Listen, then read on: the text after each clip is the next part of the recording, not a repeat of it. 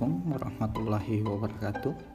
Selamat malam di podcast saya. Kali ini kita mau bicarakan tentang uh, pengertian Linux dan macam-macam distro Linux. Kemudian kita lanjutkan dengan alasan-alasannya di podcast berikut. Nah, pertama uh, apa sih yang terlintas di pikiran teman-teman sekalian setelah mendengar kata Linux? Ya, mungkin sesuatu yang digeluti oleh seorang hacker, kemudian geeker atau programmer. Atau mungkin sebagian orang menganggap uh, demikian karena memang Linux sangat erat kaitannya dengan hal-hal yang berbau IT. Lalu siapa sebenarnya Linux itu? Oke. Ini bukan tentang siapa sebenarnya tapi apa sih sebenarnya nah kalau kita lihat dari pengertian yang ada uh, Linux atau lebih lengkapnya yaitu uh, GNU Linux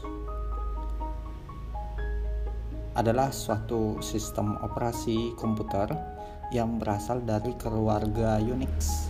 Nah, berbeda nih dengan sistem operasi seperti Windows dan Mac OS gitu kan. Nah, Linux bersifat open source atau istilah biasa FOSS, Free Open Source eh open source system. Free open source software maksudnya. Nah, Linux sendiri itu dikembangkan dengan model pengembangan gotong royong, jadi e, berkomunitas gitu. Mulai dari sistem operasi dan sebagian besar aplikasi dibuat oleh para relawan, komunitas dan organisasi itu dari seluruh dunia. Nah, bukan cuma Indonesia atau bukan cuma dari sebuah daerah gitu, tapi dari seluruh dunia. Dari segi penggunaan sendiri, Linux bisa diinstal pada komputer desktop layaknya sistem operasi yang teman-teman mungkin uh, pakai secara umum gitu kayak Windows.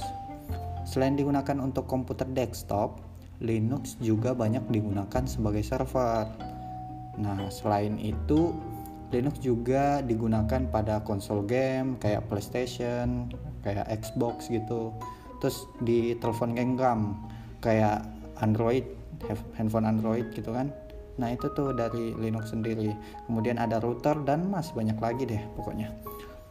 Uh, Linux didistribusikan di bawah lisensi itu tadi ya uh, GNU atau General Public License yaitu sebuah lisensi di mana pemilik program jadi pemilik programnya itu tetap memegang hak ciptanya tetapi orang lain dibolehkan untuk memodifikasi menyebarkan atau bahkan menjual kembali program tersebut dengan syarat kode sumber asli harus tetap disertakan dalam distribusinya. Nah, beda tuh. Kalau proprietary kayak Windows atau dari Mac OS X gitu kan. Itu tuh source code dari aplikasinya itu nggak terbuka luas. Jadi kita sulit untuk mengembangkannya. Akhirnya karena kesulitan itu banyak yang mencari jalan pintas yaitu dengan melakukan cracking. Nah aktivitas sendiri uh, kalau perlu dipahami hacking dan cracking itu berbeda hal ya hacking itu artinya melakukan uh, pembedahan atau ngoprek gitu istilahnya. Sedangkan cracking itu lebih ke sisi negatifnya merusak. Bentar bentar. Nah sedangkan kalau Linux sendiri itu source code-nya terbuka buat siapa saja yang ingin mengembangkan menyebarkan kemudian uh, menjualnya asal yang tadi uh, sumber kode aslinya itu harus tetap disedia, disediakan maksudnya disertakan. Jadi jangan jangan dijual kayak aplikasi proprietary tapi disertakan juga kode sumber aslinya saat penjualan. Ya analoginya seperti kita membeli sebuah permen gitu ya. Kalau Linux dan Windows misalnya misalnya ada sebuah permen namanya Linux dan ada sebuah permen yang namanya Windows. Linux itu sebuah permen yang kita buka bungkusnya kemudian kita nikmati permennya. Nah kalau Windows kita milikin permennya tetapi yang kita cicipin itu bukan isi permennya tetapi bungkusnya. Itu ya mungkin seperti itulah. Uh, Linux sebenarnya hanya sebuah kernel kalau dijelaskan apa itu kernel ya? Ya arti sederhananya itu uh, suatu yang menjembatani antara perangkat lunak dan perangkat keras komputer.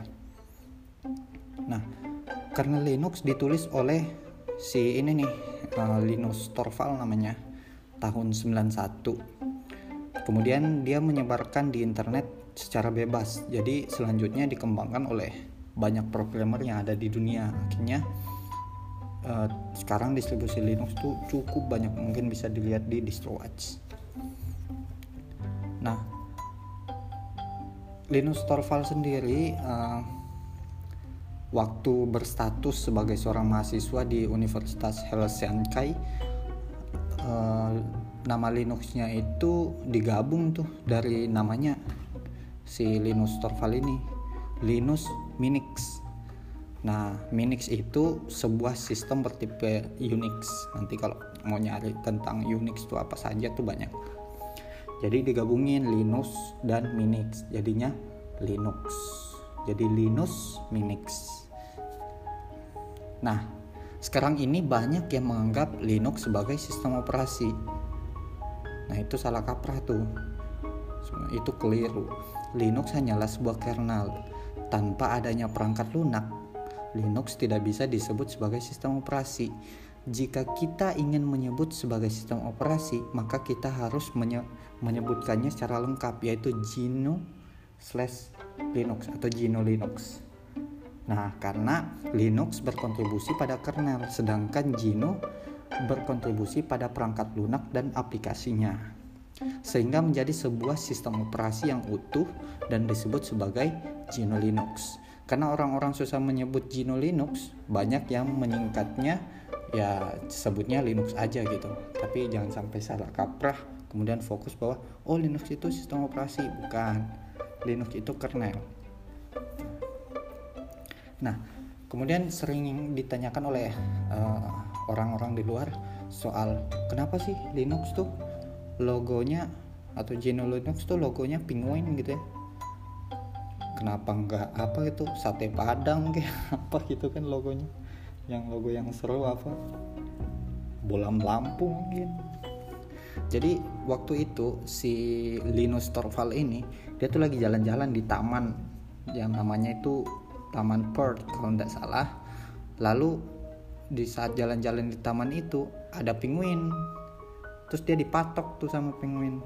Nah karena dipatok itu mungkin karena tidak terbiasa akhirnya si Linus Torvald ini demam berhari-hari nah ia berpikir bahwa karakter penguin nih cocok nih dijadikan sebagai logo sistem operasi barunya gitu kan sehingga diadakan sebuah kompetisi mendesain logo Linux yang baru dan kompetisi tersebut akhirnya dimenangkan oleh Larry Ewing.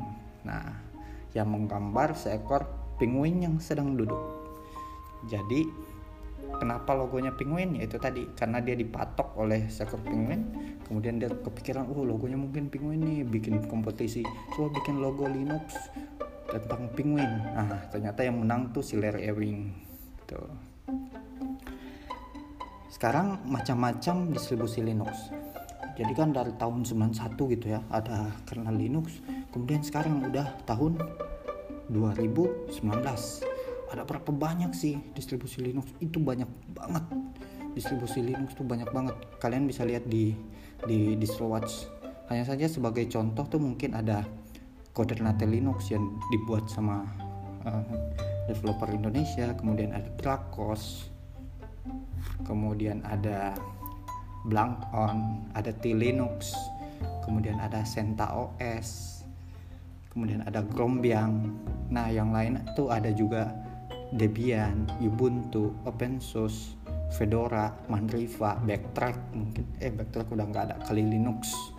Kemudian Slackware, PC Linux OS, Deepin OS gitu. Sabayon mungkin CentOS, banyak banyak lainnya. Terus pertanyaannya terus kalau uh, saya mau pakai Linux bagusnya Linux apa nih? Saya masih baru masih pemula. Itu kan kalau dari hasil sharing mungkin turunan dari Ubuntu atau turunan dari Debian gitu ya. Adik-adiknya gitu adik-adiknya Debian. Base Ubuntu itu kayak apa ya? Uh, Kubuntu mungkin Edubuntu Subuntu atau Lubuntu atau Linux Mint mungkin. Jadi itu merupakan distro yang sangat umum digunakan oleh para pemula di saat menguji coba atau mencoba menggunakan Linux. Kebanyakan menggunakan Ubuntu atau uh, Linux Mint. Gitu kan. Tapi di sini kita sedang berusaha untuk mensosialisasi menggunakan Linux buatan uh, kita sendiri gitu.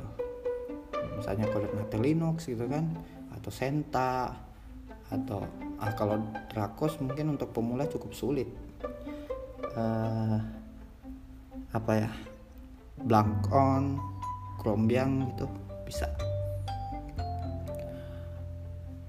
Uh, kenapa memilih uh, Ubuntu mungkin ya?